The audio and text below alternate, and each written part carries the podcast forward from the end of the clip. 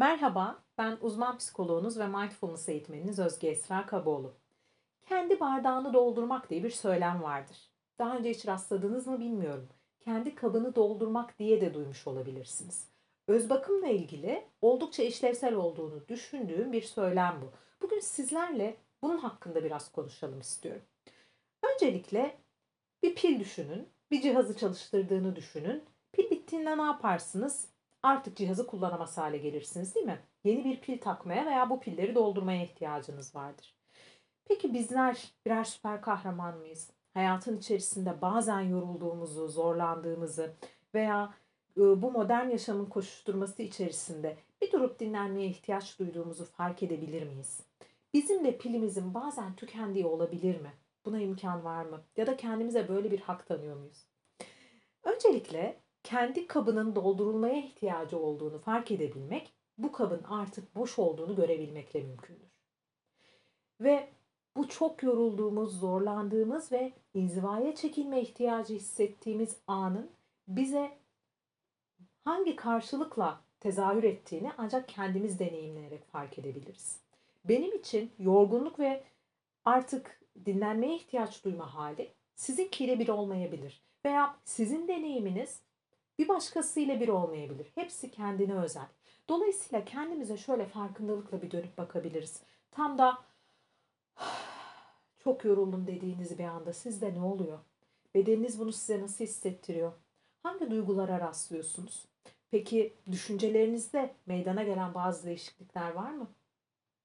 Tüm bunları gözlemlediğinizde ve artık bu kabın doldurulmaya ihtiyacı var dediğiniz noktada ne yapmak size iyi gelir? Benim bir önerim var. Bunu daha önceki podcastlerimde de birkaç kez söylemiştim. Ama bugün farklı bir noktadan ele alayım istiyorum.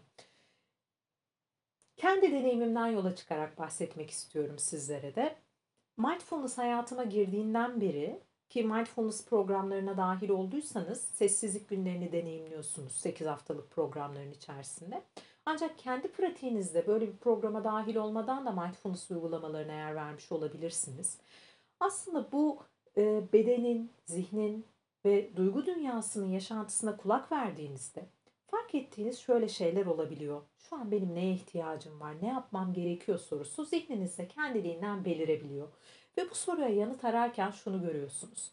Belki biraz hareket etmek, belki biraz dinlenmek, belki biraz uzaklaşmak. Mesela gelin sizle bir deneme yapalım. Size bir önerim olacak. Telefonunuza bir gün içinde gelen bildirimleri gözlemleyin lütfen. Hadi gelin hemen şimdi başlayın. Yarın aynen beni dinlediğiniz bu saate kadarki süreçte telefonunuza ne kadar bildirim gelecek bir gözlemleyin.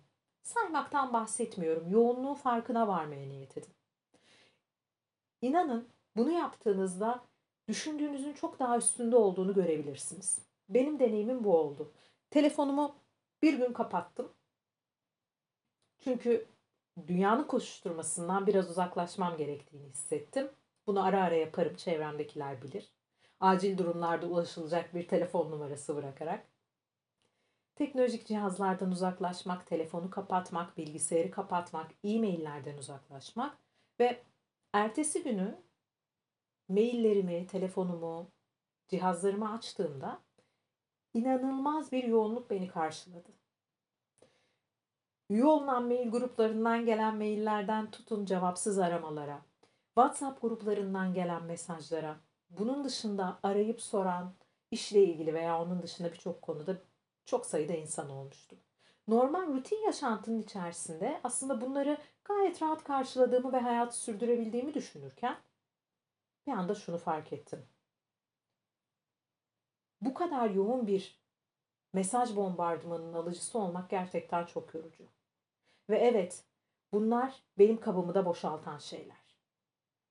Enerjimin bir kısmını da bunlara yönlendirdiğim için aslında kabımda kalan o bana güç veren, bana destek veren, enerji veren hali adım adım yitiriyorum ve zaman içerisinde bu kap boşaldığında bir şeyler yapmak gerekiyor.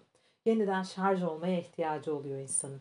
Peki ne yapmak size iyi gelir? Böyle durumlarda neyi tercih edebilirsiniz? Belki biraz durmak, belki öz bakıma yönelmek, belki e, meditasyon yapmak, yoga yapmak, Belki spor yapmak, yürüyüş yapmak, duş almak olabilir. Farkındalıkla bir kahve içmek bile gün içerisinde kendinize ayırdığınız böyle bir anın temsilcisi olabilir. Bunu biraz daha uzun vadeli yapmak isterseniz de elbette bahsettiğim içeriklerden herhangi birine e, kullanabilirsiniz.